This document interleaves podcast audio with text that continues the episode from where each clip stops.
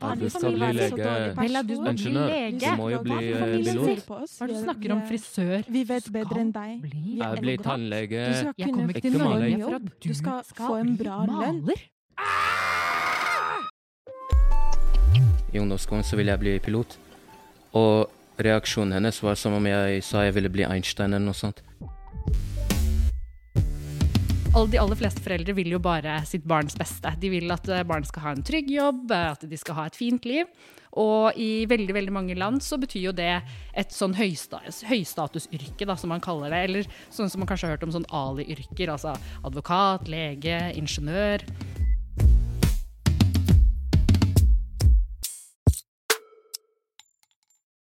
Hei og velkommen til eh, Uropodden. I dag skal vi snakke om eh, valg av videregående og utdanning. I dag så har vi med en ny programleder.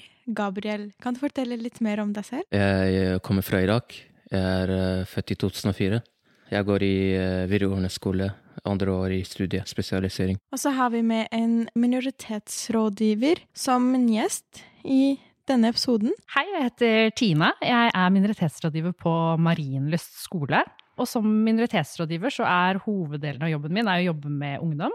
Og spesielt jobbe for at ungdom skal kunne leve frie liv. Med det så mener jeg at de ikke skal være utsatt for f.eks. negativ sosial kontroll. Det handler da om at du ikke får lov til å kanskje gå med de klærne du vil, du får ikke lov til å ha de vennene du vil, og som sagt, eh, kanskje det påvirker hvilken utdannelse du får lov til å ta. Vi er 59 minoritetsrådgivere rundt omkring på både ungdomsskole, veldig få på ungdomsskole, hovedsakelig videregående. Og jobben til en minoritetsrådgiver da, er det å jobbe både forebyggende og hjelpe unge som er utsatt for negativ sosial kontroll og æresvold. Hvordan er dine erfaringer med videregående? Eh, Jeg gikk på allmenn, som i dag heter studiespesialisering. Jeg valgte litt fordi jeg visste at eh, flere jeg kjente skulle ta allmenn. Jeg visste ikke helt hva jeg skulle bli. Så jeg tenkte at ved å ta allmenn så holder jeg alle dø eller studiespesialisering, da. Så holder jeg alle dører åpne. Eh, Og jeg vil kanskje si at jeg fikk litt lite informasjon om hvilke muligheter jeg kunne hatt ved å ta f.eks. yrkesfag. Jeg ville også sagt at eh, jeg fikk eh, litt lite informasjon fra rådgiverne i ungdomsskolen. Jeg måtte få nye venner da, når jeg endte opp i skole veldig langt unna hvor jeg bodde. For meg så var det ikke så vanskelig, fordi jeg visste fra åttende klasse hvilken linje jeg ville gå, som er jo studiespes. Men når det kom og det ble sånn seriøst, det er sånn jeg skulle søke, så ble jeg ganske sånn forvirret og usikker. Og så tenker jeg sånn, hva med om jeg ikke klarer det? Fordi lærerne snakket så mye om hvor vanskelig det er, selv om jeg hadde ikke så ille karakterer i ungdomsskolen. De bare ga meg idé at det er så umulig, liksom. Du må bare ha hatt alltid seksere på ungdomsskolen for å kunne studiespes for firere der. Det er sånn hvor ille bildet de ga oss, da. Og det gjorde at jeg ble så forvirret og usikker om jeg ville sånn så her ha studiespes. Så begynte jeg å tenke på andre linjer som gir meg studiekompetanse til slutt.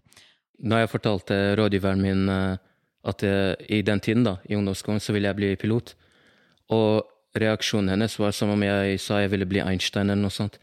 Hun bare Og du må ha alt sekser, du må ha du må gå i ærmatte, du må ha alt det der, alt det der. Og jeg ble helt bombardet med så mange ansvarer som egentlig ikke var Det var jo ikke egentlig det jeg trengte å gjøre. Jeg måtte bare jo ta de ordene hun sa.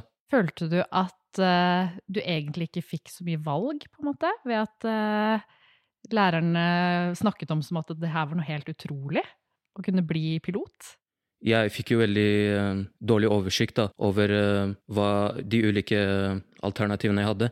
De fortalte bare om ikke-privatskoler. Ifølge dine erfaringer, hva syns du ungdommer er mest interessert i?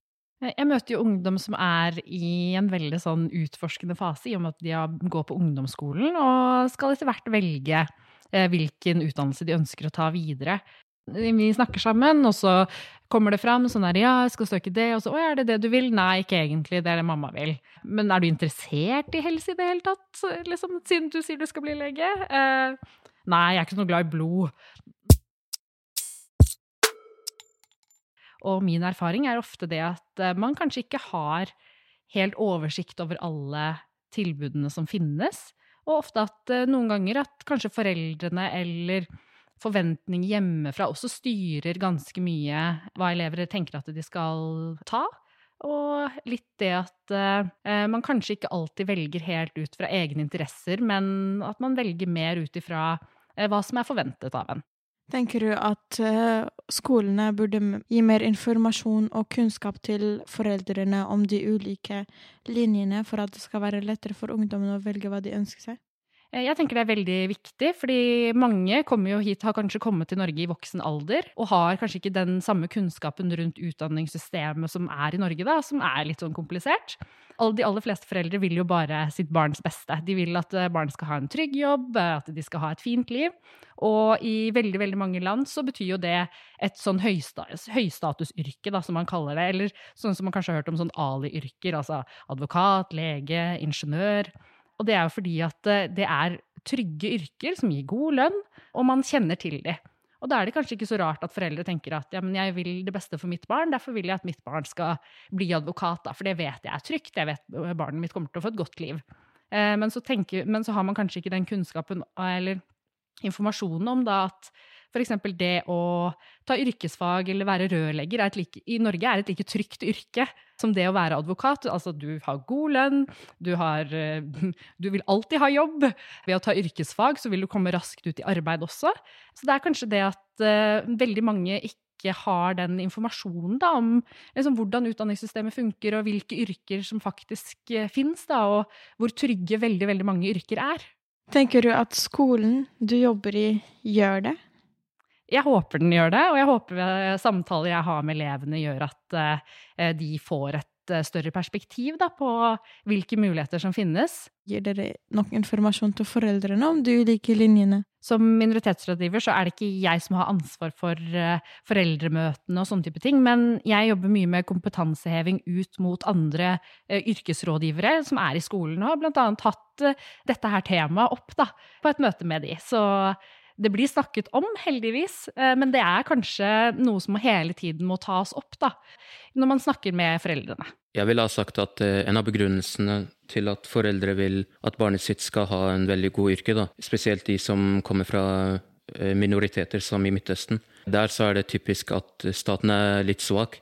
Så da betyr det at familien har på en måte sikkerhetsnettet. Ja. Når familien har jo sikkerhetsnettet, så er det veldig viktig at de har den gode rykten til de andre familiene og andre slektene. Som for eksempel, eh, det er ikke bare skryting, da, det er også at du kan vise ditt status i dette landet eller dette området. Og det gir jo mer eh, privilegier, da, og mer sikkerhet for barna og den familien.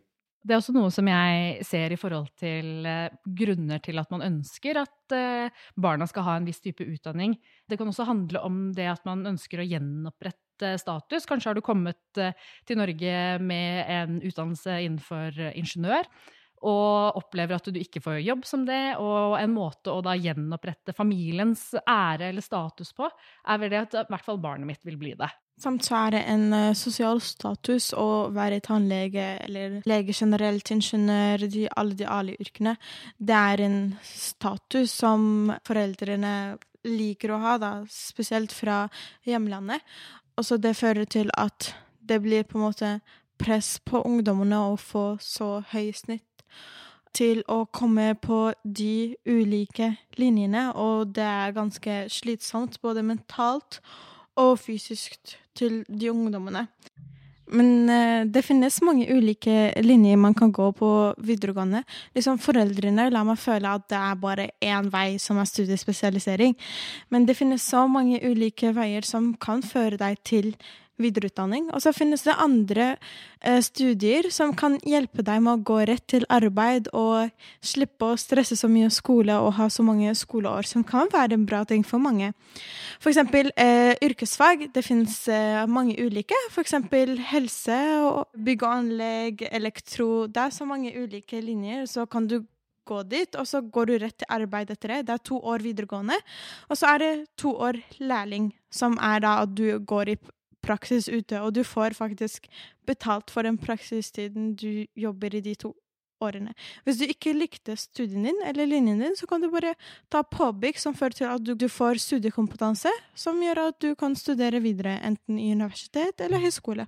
Og så finnes det andre linjer. En studiespes som er treårig, som tar deg rett til uh, videreutdanning, så du slipper å gå påbygg sånn. Som for eksempel mediekommunikasjon, uh, drama Det er jo flere linjer som gir deg generell studiekompetanse annet enn studiespesialisering. Ja.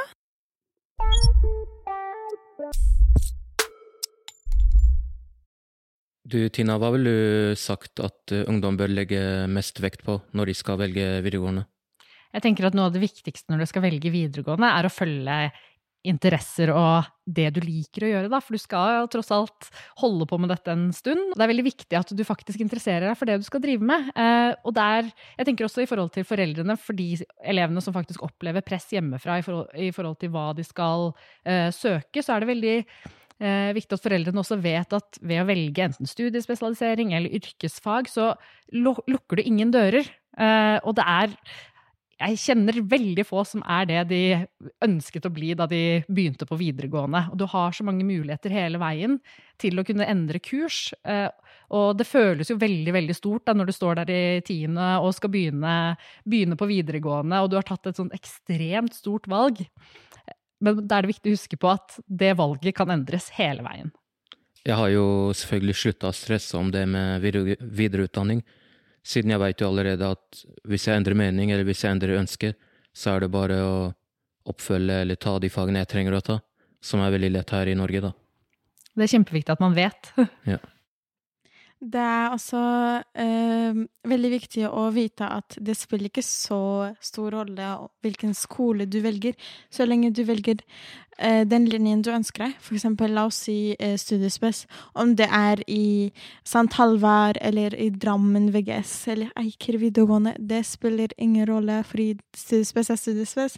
Og bare fordi vennene dine går der, burde ikke du bare gå der bare fordi de går der, liksom. Du må ha sånn uh, mer sånn For eksempel uh, hvis uh, Sant Halvard er nærmere huset ditt, så burde du anbefale jeg i hvert fall at du går der, fordi du kommer til å ha fritimer og sånn, så du kan bare gå hjem og bytte klærne dine, eller hva enn, liksom.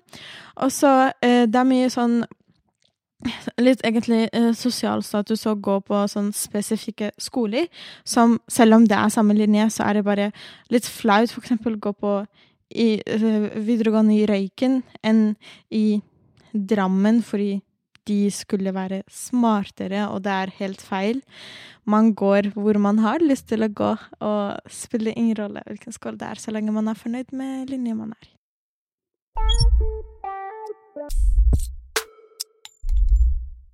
Du Tina, må man gå til videregående rett etter ungdomsskolen? Man må ikke, for det er ikke obligatorisk. Men det er jo veldig lurt. Hvis du er skikkelig, skikkelig skolelei, så finnes det jo, i hvert fall her i Drammen, så har du eksempel Ung 11, som er ett år ekstra etterpå. Det finnes også folkehøyskoler du kan begynne på, eh, hvor du har eh, muligheten til å ta et år til og tenke og finne ut hva du vil.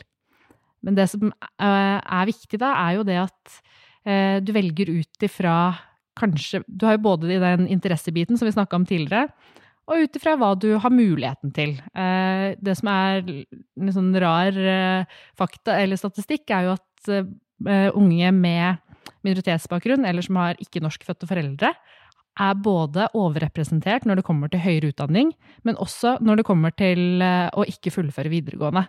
Så de er både på en måte overrepresentert både på den drop-out av videregående-biten, men også på høyere utdanning. Eh, derfor er det liksom ekstra viktig å velge ut ifra hva du vil og kan, da, og ikke kanskje hva det er foreldrene dine eller miljøet rundt mener at du skal gjøre.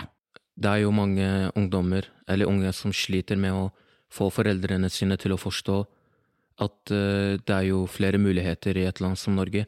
Så hvordan hvordan, hvordan kan en unge snakke med foreldrene sine om det?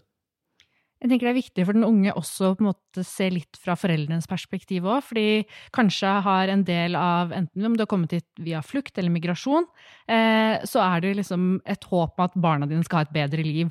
Og kanskje du er oppvokst med å tenke at den høyeste utdannelsen, det er den eneste veien til å få et trygt og godt liv, og vil gi status både liksom innad i familien, men også utad i familien.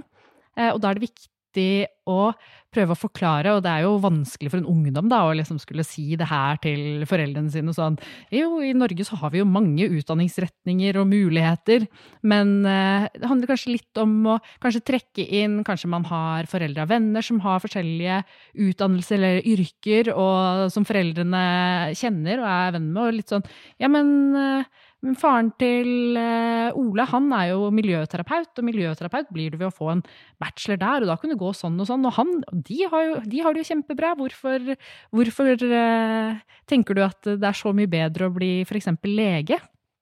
Jeg tenker det er veldig viktig for, uh, også for, liksom, for, de rådgiverne som jobber i skolen akkurat med utdanningsvalg, da er jo i møte med eleven også gi, gi disse mulighetene og forstå at det ikke er eh, bare liksom farmasi eller lege, eller at det finnes utrolig mange ulike retninger. Og at liksom, ok, men du er interessert i helse, ja, men da har vi det her spekteret med forskjellige utdannelser som eh, man kan få. Og alle vil gi deg en trygg jobb, alle vil gi deg en jobb du vil kunne leve godt med, og spesielt hvis du liker jobben du har, så vil du ha et veldig flott liv. Og det er liksom det som både må kommuniseres til både den unge, eh, at man har de mulighetene. For det er ikke så lett. Altså, jeg husker ikke liksom, at vi hadde yrkesrådgiver da jeg gikk på ungdomsskolen som snakket om hva man kunne bli. Det var jo liksom de yrkene man kjente til, da. Eh, det var liksom det som var mulighetene. Det var liksom ikke så mye utover det. Jeg jobber jo noe med som jeg aldri hadde hørt om. Jeg tror ikke den, den eksisterte egentlig ikke da jeg gikk, gikk, på ungdomsskolen heller. Men eh, det er noe med det å forstå at det, mulighetsrommet er så stort, da. Og litt sånn at det kanskje er litt lett å falle inn i i på en måte ting som er forventet som mann, så skal du gjøre det. Som kvinne så er det liksom disse yrkene som er mer riktig.